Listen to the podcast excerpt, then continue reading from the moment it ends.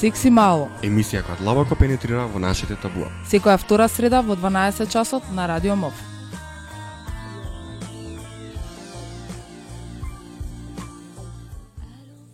Не, нема да пушна мацо, ајде, кажи, ајде, те копка.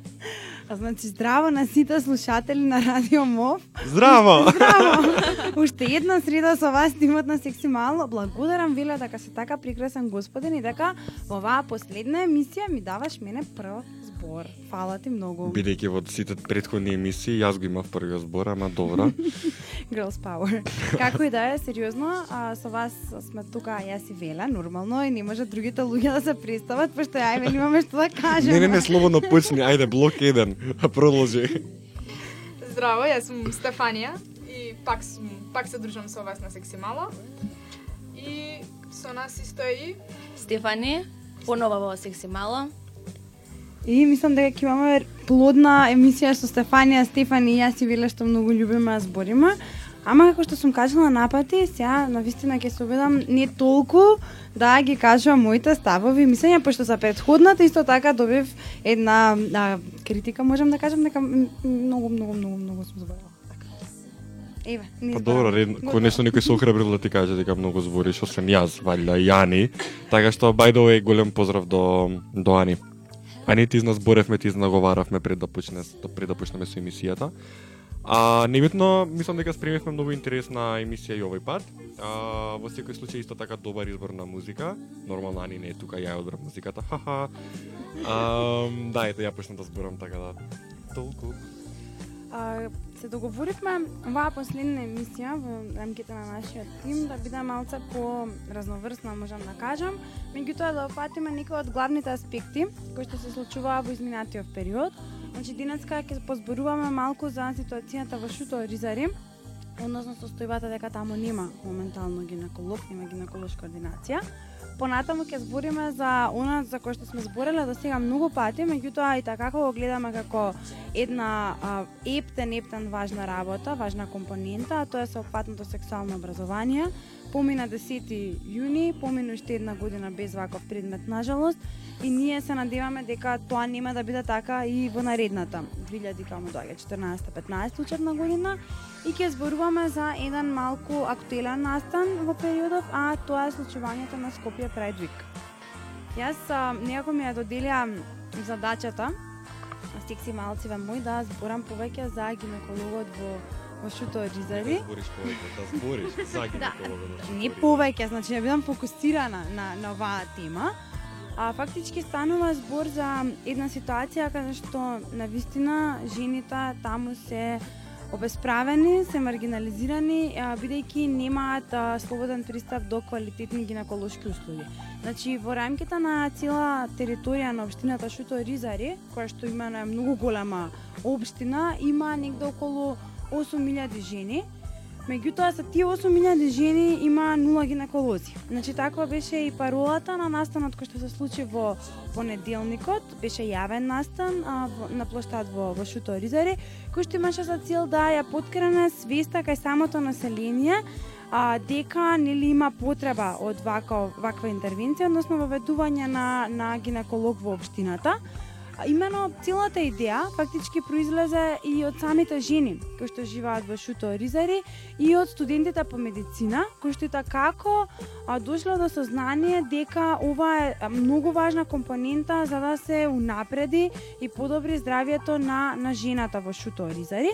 И токму затоа решија на еден можам да кажам помасовен начин да да го презентираат овој проблем со тоа што ќе искористат една мерка, а, односно ќе искористат подпишување на петиција за понатаму не само да разбедат свеста кај населението во рамките на општината, па и не само во општината, туку и во пошироки рамки, туку и да притиснат малце кај авторитетите кои што се надлежни за решавање на овој проблем, а таквите авторитети се нормално пред се Министерството за за здравство, Па така, самите жени се организира, добија поддршка од ХЕРА, добија подршка поддршка од РРС, од Румскиот ресурсен центар, и исто така добија поддршка од самата општина Шуто Ризари во однос на изнаоѓање на решение на овој проблем и го направија тој настан во понеделникот и ние стварно се надеваме се подпиша голем број на луѓе на петицијата. Меѓутоа еве апел, ако некој сака уште да го даде својот допринос, може да се обрати до Младинскиот центар Сакам да знам и може да се обрати до Ромскиот ресурсен центар и двете организации нели на територија на на Шуто Ризари. И она што сакам да го истакнам е дека на вистина во едно современо општество многу е а, неблагодарно да кажеш дека не можеш да си приуштиш гинеколог, еден пап тест, а тоа моментално се се случува во во шутка. Посебно што знаеме дека огромен процент од тамошното население е население кое што е сиромашно и нема е толку едноставно, на пример, да патува, не знам, до гинекологот во Железара или во центар, било каде, бидејќи на вистина за некој превозот, не знам, 25 динари автобус, 35 динари, во двата правци 50 или 70, да се средства кои што не може да си ги да си ги дозволи. И токму затоа се надеваме дека што побрзо ќе биде донесен гинеколог во рамките на оваа општина. Исто така порано се случивме како организација што нели работиме на оваа проблематика, работиме во Шуто Ризари долги години. Се случивме со иста ваква ситуација каде што немаше гинеколог. Потоа се донесе нов гинеколог, меѓутоа а не беше баш сјајно и розово, бидејќи тој гинеколог кој што дојде во шутка наплаќаше многу високи цени, па сега ако имаме една жена која што е бремена или веќе може би има деца, секако дека нема да биде подготвена да ги дава тие средства за да направи нужни проверки, нели како што се тестовите и слично, туку ќе ги даде за некоја поприоритетна цел, пелени на пример за детето. Така да а, самите жени кои што ја направија целокупна иницијатива, апелира и на тоа да да се размислува во насока дека да треба да се однесе гинеколог во во Шуторизари, меѓутоа дека треба да се однесе гинеколог кој што ќе работи по прописите како што е законски нели наложено и ќе дава квалитетни услуги. А сите знаеме дека имаме еден бесплатен пап тест годишно и дека не треба за се и се што да ни наплаќаат гинеколозите. Или барем се надевам дека знаеме бидејќи со девојки воопшто, жени со кои што разговарам многу малку има свесност, можам да кажам, за нивните здравствени права и права како пациенти. Не знам дали сакате нешто да ме наполните, бидејќи јас многу вака си за зазборував и ако јас продолжам да зборам за право на жената и пристапот до квалитетни услуги, можам многу да се заострам и жустра да станам некако. А бидејќи реков дека немам многу да зборувам, мислам дека можеме да направиме були една кратка музичка пауза со изборот на Веле македонски шлагер.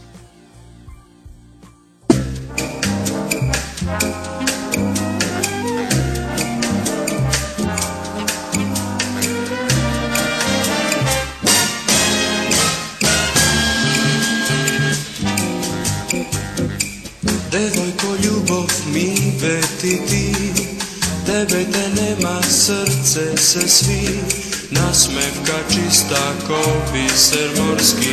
Dal će mi dadeš ti par? Može bi sretni tvoj te sedni Pregratka tuđa treperiš ti. Može bi misliš ko zvezden roj. Zagina kopneš od moj I znaš čekam go sožar, pogledom tvoj blag, kako najskaplja. Devojko, ljubov mi veti ti, tebe te nema, srce se svi, nasmevka čista ko biser morski, dal će mi dadeš ti?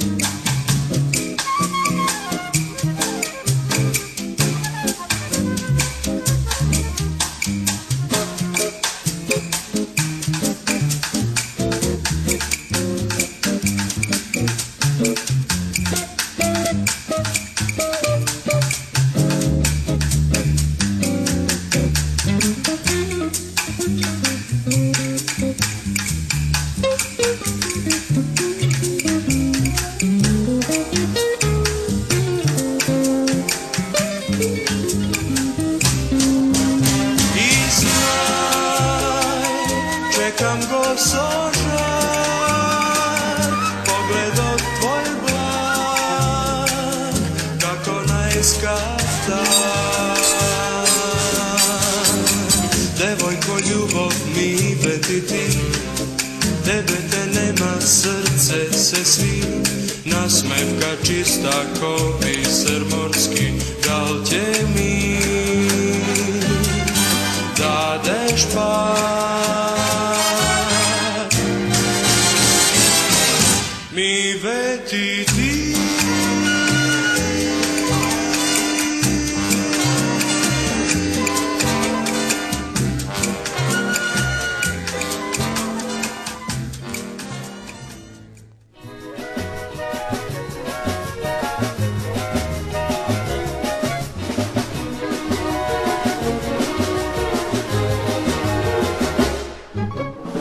te vidam ona kaza češlana. Štom te vidam kosite so cvet Srce tog čas rastreperuva I se prisjećam na sve Oho, štom te vidam ona kao oblečena Ista bluza šalče gerdan mal Radosten pak ja spomisluvam Ne zaboravaš ni ti kako čudesen den Ne zaboraven den Средба ненадна час Што не сближи тогашна сла ла ла ла ла Штом те видам она каза чешлана Штом те видам косите со цвет Срцето час растреперува И се присеќам на се. Ла ла ла ла ла ла ла.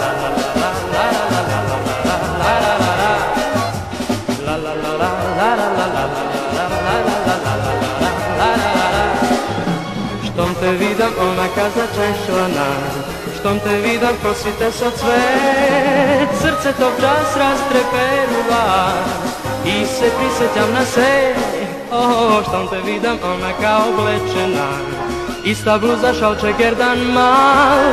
Radostan pak ja spomisluvam, Ne zaboravaš ni ti kako čudesen den Ne zaboraven den Sredba nenadna čas, Što ne zbliži toga što la la la la Štom te vidam ona kaza na, Štom te vidam kosite se od sve Srce tog čas rastreperuva I se prisećam na se, Srce tog čas rastreperuva I se prisećam na sve Hej hej hej hej. Се надам дека уживавте на вистина во музичкиот избор на Вела. Во првиот блог зборувавме за настанот што случај во понеделникот, односно иницијативата на жените од Чуто Ризари за отварање на гинеколошка ординација. Таму настапуваа Шутка Рома Рап, например, и мислам дека беше еден многу интересен настан и навистина се надеваме дека ќе поттикне размислување кај самите граѓани и ќе ги а, алармира властите за она што се случува. Нормално ваквата ситуација е од исклучителна важност за репродуктивното здравје на самите жени, а нормално тоа понатаму е врзано со свесноста за паци... правата на пациентите, за здравствените права што ги имаат самите луѓе, па така некако директно ја направивме спојката и линкот помеѓу ситуацијата во Шуторизари и сексуалното образование како една необходна работа во нашиот образовен систем. Па да, така, како што сеќавате во една од последните емисии, разговаравме за сексуалните права. Имено пред некое време беше спроведена анкета на факултетите на Кирил и Методи, на филозофскиот, правниот и економскиот, каде што ги прашувавме студентите дали се и колку се запознаени со своите сексуални права. А, резултатите од анкетата не покажаа голема запознаеност, меѓутоа а, на последното прашање кое гласеше а, кои мислат дека треба да бидат мерките за да се подигне свесноста за сексуалните права и за здравствените права кои што ги имаме како граѓани и како млади, а, рече си беа а, рече си беа исти одговорите дека е необходно да се воведе сексуално образование во уште од средно образование или порано. Така што тоа покажува дека а, состојбата е алармантна и дека младината е повеќе од свесна за состојбата и потребата на, на ваква едукација.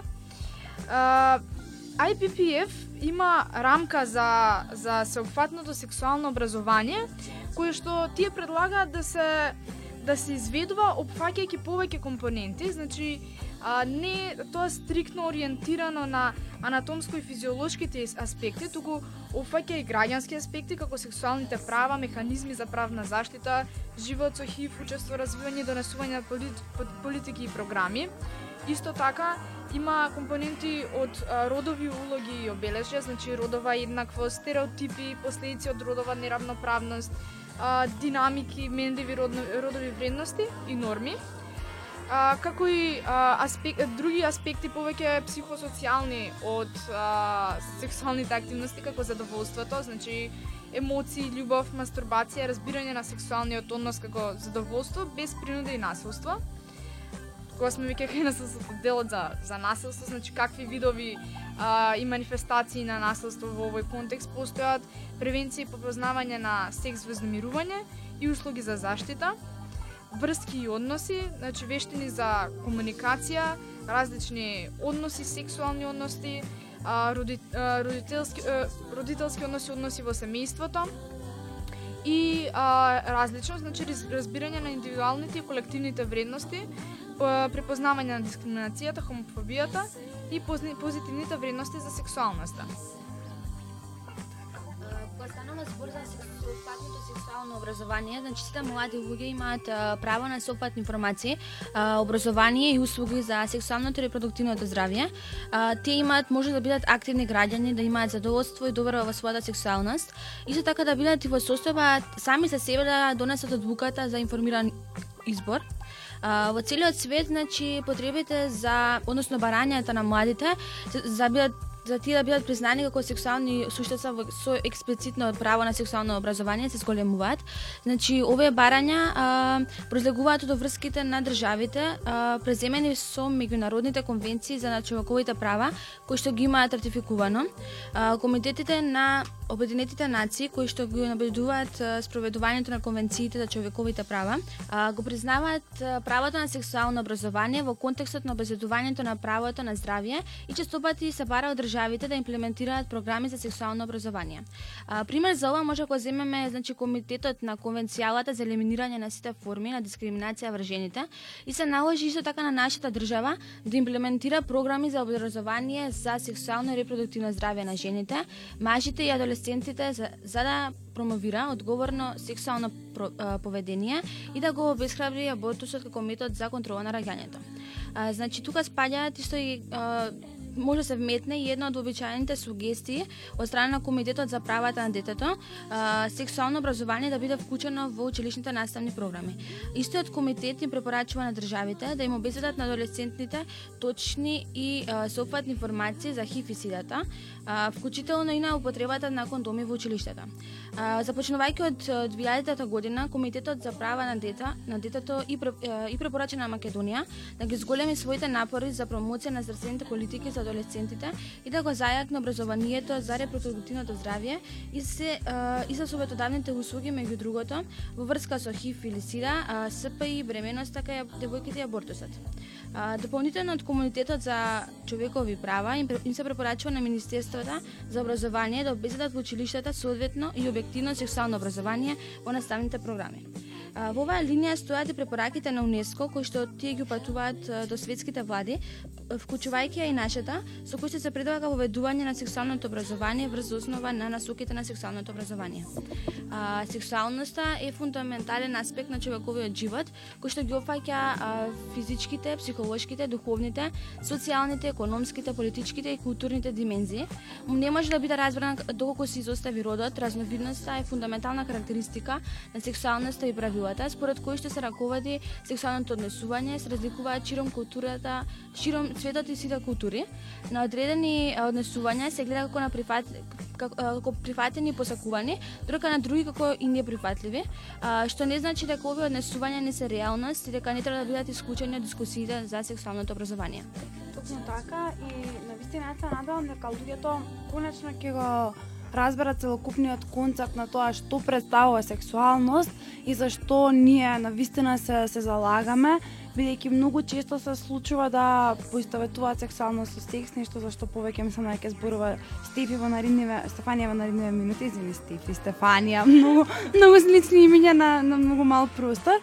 Меѓутоа на вистина се надам дека луѓето ќе го разберат концептот на сексуалноста и концептот на сеопфатното сексуално образование, бидејќи ние не зборуваме само за сексуални односи, туку зборуваме за една цела лепеза која што очигледно, како што кажа Стефан, е препознаена од многу институции кои што се релевантни, кои што се меѓународни признати и познати, меѓутоа некако наоѓа на наоѓаме доаѓаме до нека бариера, отпор во во нашиот локален контекст, можам да кажам. Ам, секогаш луѓето што не се а, за воведување на сексуално образование, секогаш може да кажат дека постои образованието на постои животни вештини како предмет во а, во школите. И дека затоа не треба да се воведе сексуално образование, затоа што сексуалното и репродуктивното здравје и права се вметнати во образованието за животни вештини, што апсолутно е до некаде а, точно, но проблемот со самиот предмет е тоа што најчесто како таков се изведува на класните часови каде што знаеме што се, се, дискутира на класните часови и проблемот е што најчесто доколку се дискутира се дискутира само за репродуктивно дело, односно за репродуктивното здравје и репродуктивните права, доколку оној сегмент на сексуалност, односно на сексуалното здравје и на сексуалните права се а, изоставува. Така. така се согласувам со Веле дека има дел, мислам, сепак ние не живееме во толку примитивно општество, нашето нашиот образовен систем сепак во последниве години, барем колку што јас сум искусила, обрнувам внимание на а, тој репродуктивен дел од сексуалното здравје, начини на заштита и слично. Меѓутоа, тоа е еден многу мал сегмент од целата лепеза, а, која што опфаќа цел склоп на а, однесување и на сваќања и на доживувања, кое што, значи, сексуалноста не е, баш како што кажавте, не е тој сексуален чин, туку е еден а, интегрален дел од човековата личност, па така младиот човек, а, младата единка додека се гради, додека е во тој процес на себе спознавање и, себе, и, и развој, е необходно да учи и да ја доживува својата сексуалност.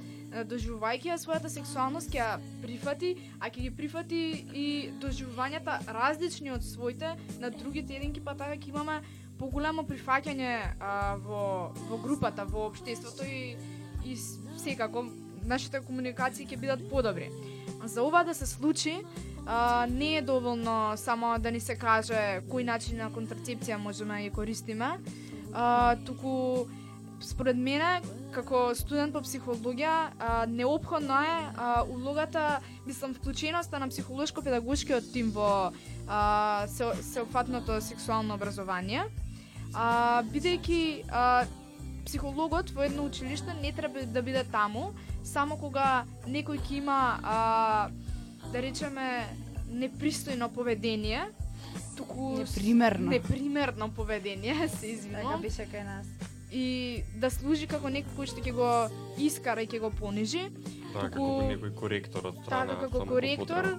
Пошто би го доживувале учениците како не знам, а, Фактор на заплашување, мислам фактор на за, заплашување, авторитет и било како, кој што ќе создава уште повеќе фрустрации на чело на сите авторитети.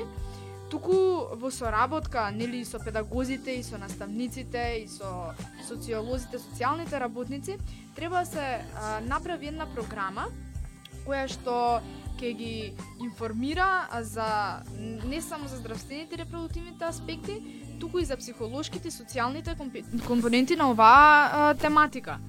И а, ова би требало, мислам, би било супер кога би се изведувало сега ова е една идеја моја што мислам дека убаво би дошла во, во таков сетинг како средно а, средно школа а, да се работи во помали групи значи едукаторот дали тоа ќе биде психолог, социолог или било кое друго обучено лице, соодветно обучено лице, да се работи во помали а, групи во пријатни природни средини за одржување на едукацијата, што ќе ги поттикне учесниците за споделување и соработка и тоа да биде различно од класичен сетинг во училница каде што седиме еден за друг каде што не можеме ни да се гледаме и нема никаква невербална комуникација, туку се крева рака за авторитетот да ти даде збор да кажеш нешто.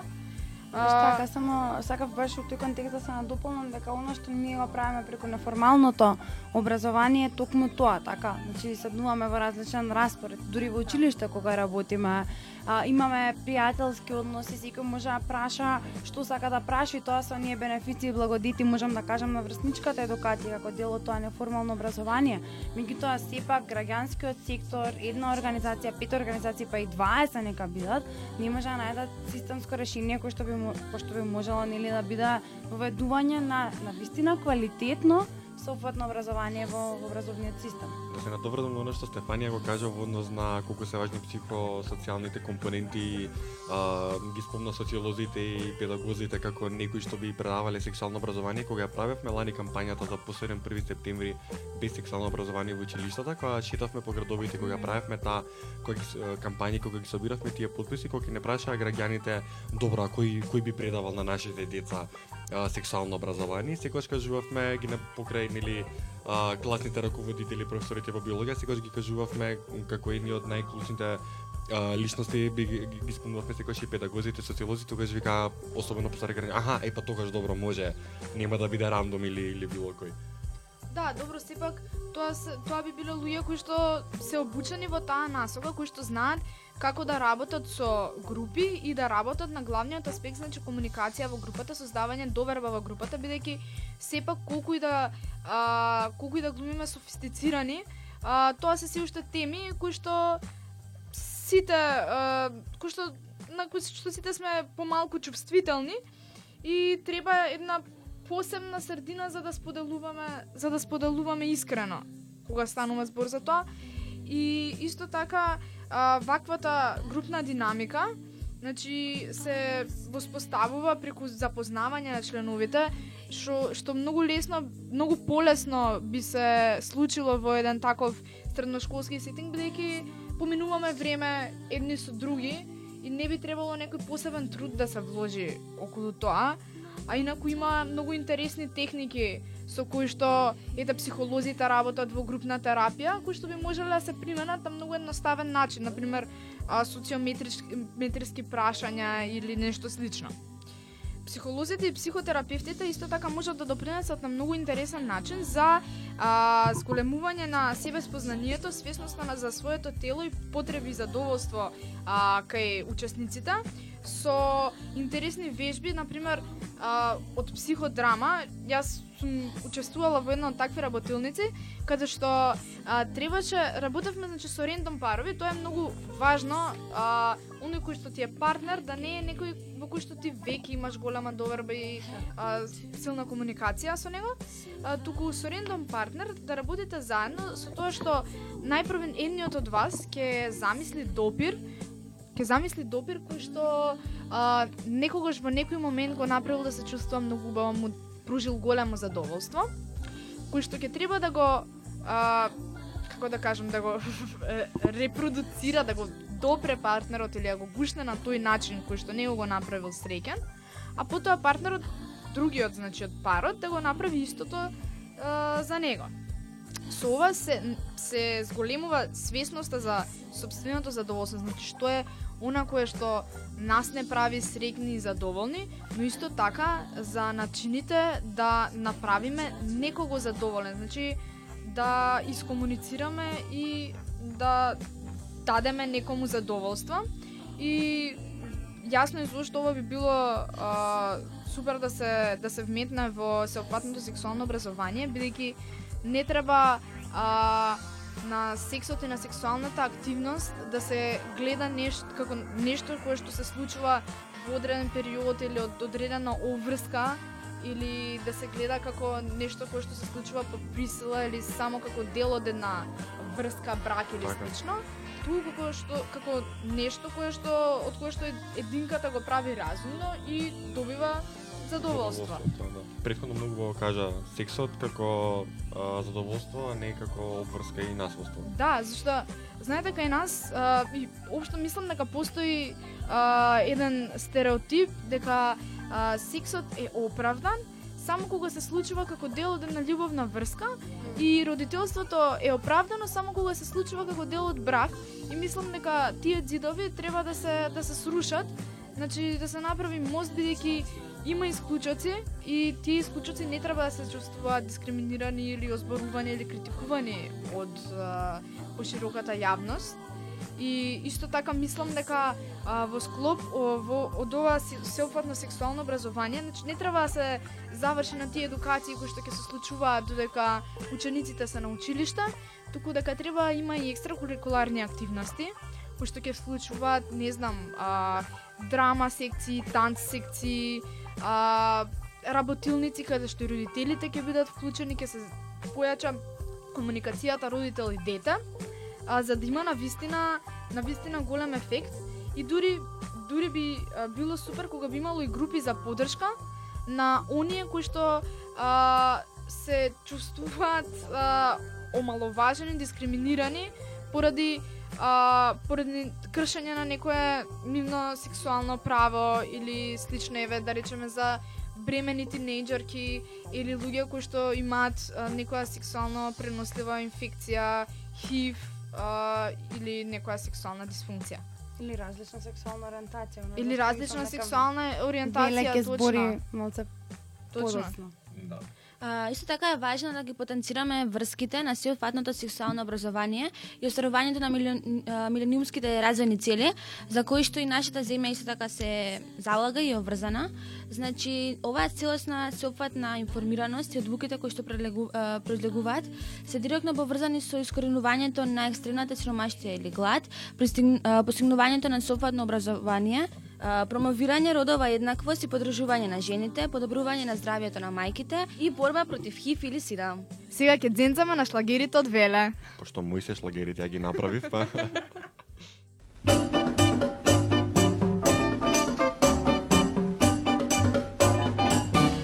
Ау, кажи сега да или не да знам, ке дојдеш ли на рандеву? И в душа радост е, штом јас y ti dozori kes me pa. Sa ujedno ne znam jas da upak tvoj glas ke kaže jas zaboravi. No se pak tvoja sum štom čuh tvoj zbor te ljuba mila znaj. No znam ke dočeka me naš ke dojdeš ti sobolka v grad. Ke rečeš prosto прости ми мила, те молам за рандеву. О, кажи сега да или не да знам, ке дојдеш ли на рандеву. И в душа радост е, штом јас и ти до зори ке сме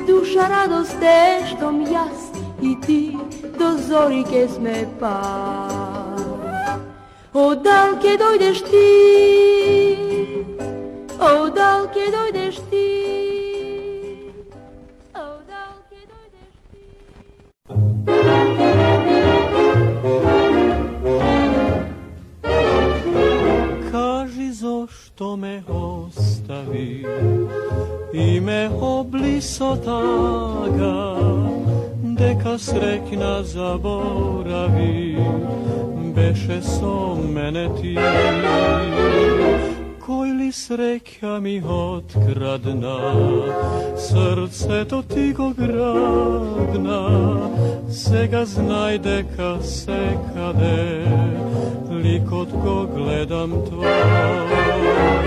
Moj te dni znaj tažni se, večno me mači taga, moja ljubov ti pak kesi, se ti proštavam draga kaži zašto me ostavi i me obliso taga deka srekna zaboravi beše so mene ti.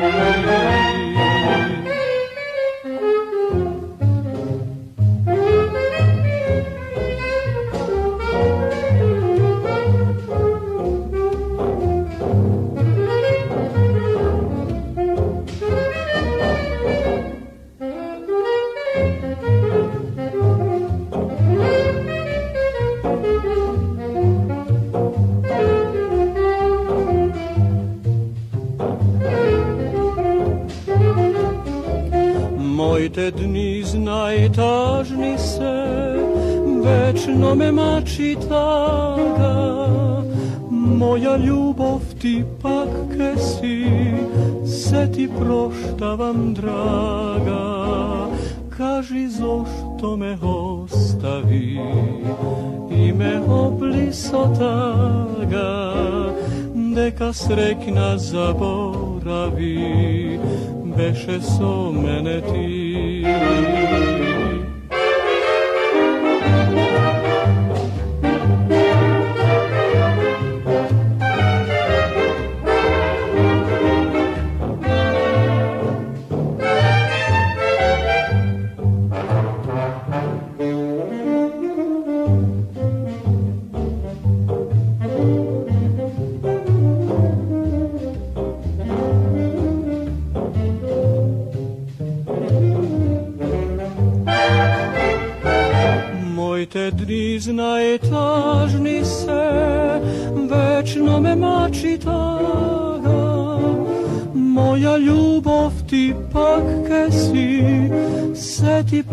Оставам драга. Кажи зошто ме остави и ме обли со тага, дека среќна заборави, беше со мене ти.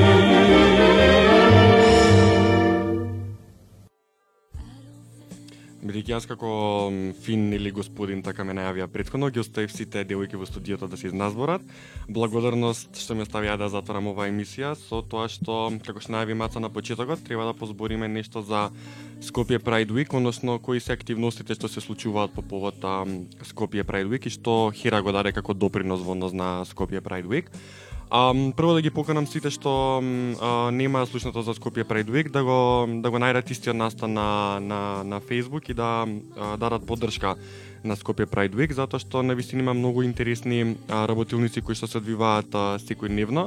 А, конкретно во ЛГБТ центарот, а, вчера а, јас држав работилница за хомофобик булинг, односно за хомофобично малтретирање, односно Како се изгуби? да, за вчера, да, за Што вчера правил без мене? А, за во однос на ам, ам, хомофобично малтретирање, односно а, селеѓество и како сеопфатното сексуално образование е ќе го адресира тој проблем и како се- сексуалното образование е фактички одговорот на на на хомофобик булинг.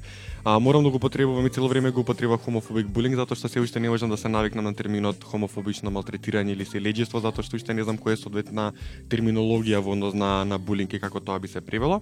Небитно. Ствари би рекла. Да, а, небитно. А, ги посакувам сите да им ги повикувам сите да а, се приклучат на на работилниците да дојдат во во што поголем а, број, затоа што а, денес има а, следува едукативна работилница за млади насловена ЛГБТ правата се човекови права која ќе биде организирана од МОФ односно Младенски образовен форум и од студентската организација Излез. Тоа ќе биде во тука во во МОФ во дворче. А, во четврток следува хомофобијата а, форум, односно хомофобијата и феминистичко прашање од Лефем ЛФМ во ЛГБТ центрот за поддршка. А, во петок има интересна а, дискусија и видео, а, насловено Зедница во Зедница, односно двојна дискриминација и стигматизација на транссексуалните работници, од организирано Стар Стари Хопс. А, предпоставам нашите слушатели- знаат дека тие се наши партнери одамна. Тоа ќе биде во автономниот културно-социјален центар, односно а, АКСЦ. А, во сабота нашите заедно посилни, односно Здруженијето за поддршка на луѓето што живеат со ХИВ, ќе има дискусија и а, презентација на филмот We Are Here. Е, морам да нагласам дека е предобар и стварно ако сте тука во во 7 во во сабота, додите и да го погледнете бидејќи едниот можеби еден од најдобрите филмови кои што сме го гледала за тематика хиврзан. Значи, Во драги слушатели, извинете. ако Марија Матовска ви препорача филм, онда тој филм мора да се гледа. И на крај во недела, а, фактички се има официјално затварање на, на неделата на, на, на гордоста. А, уште еднаш, мислам дека ова е прекрасен начин преку вакви активности од различни организации кои што работат под чадорот на а, човековите права, а, сите да да научиме нешто повеќе и да да конечно да ја прифатиме сексуалноста и оние што имаат а, што се малку различни, што не значи дека а, се дека треба да бидат исклучени, односно конечно а, да направиме чекор по чекор Македонија да стигне да Македонија да стане на општество како што сите ние тука присутни во во студиото на Радио Мов и во секси мало го а, го посакуваме. Um, бидејќи нафрлив само нешто за а, хомофобик булинг на почетокот, um, во однос на сексуално образование, тоа што претходно а, Стефани го, и Стефанија го адресира, а во односи на сексуалните права, многу линкови има тука кога веднаш кога ќе се спомне човекови права, сексуални права, ја не можам да да прекинам да зборам. Здравствени права на пациенти. Ета така, во однос на сексуалното образование, дека а, кога станува збор за хомофобик булинг, тоа беше многу интересно а, сознание дека најчесто а, хомофобичното малтретирање најчесто настанува на предпоставена нечева сексуална ори- ориентација и дека а, во принцип самите професори не го препознаваат а, како такво или доколку го го препозна нема да реа- нема да изреагираат што крира негативно чувство кај младата личност дека тој или таа е виновен односно виновна за истата што понатаму нели крира средина за повлекување нели внатрешно бегање од социјалните односи не напредување нели академски, автоцензура и така натаму и така натаму. И само ново да се надоврзам дека имаше едно истражување во Велика Британија направено на 1145 ЛГБТ лица кој што покажало дека 62% од нив репортирале а, дека ништо не се случило, односно ништо не се променило откако кажале на професорот дека биле жртва на хомофобично малтретирање. Токму а, ова истражување треба да ни биде а, показател колку сеопфатно сексуално образование е, е важно, колку како такво недостасува во нашиот образовен систем и колку на вистина идност. А, се надеваме дека некогаш во многу скоро ќе направиме кампања ете конечно први септември со сеопатно сексуално образование во во училиштата. Во меѓувреме да да ви препорачам да ги видите уште еднаш видеата кои што ги направив, кои што младинската херана група, односно хера млади ги го направи по повод сексуално образование и да навистина да подразмислат и да се стават а, она што се вика прсни или на на чело а, дали на вистина и зошто секој да тргне од лично од лично искуство и од својата околина, зошто на вистина ни треба а, сексуално образование. Да го надополнам Вела, а, ја завршив во, во приватно средно училиште и ние имавме задолжителен предмет кој што се викаше Health и веќе не а, веќе не е задолжителен значи во во тоа училиште.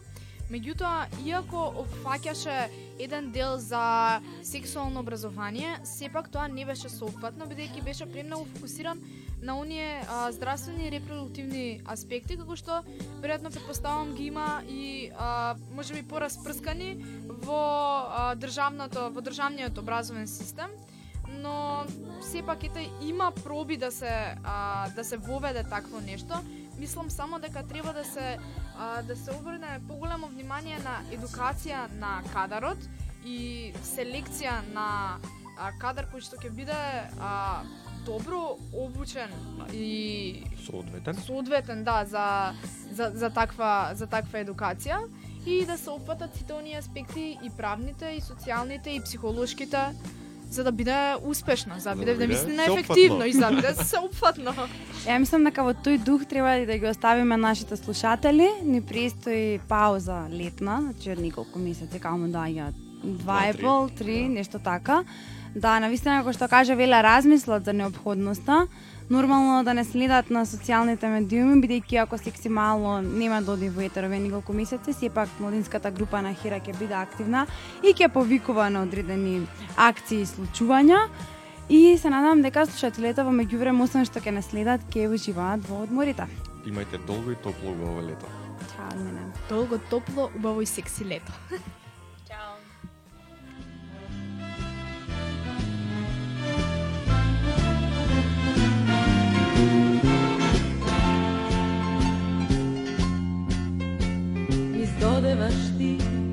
трафагар сквери пак шанс залізе. За пари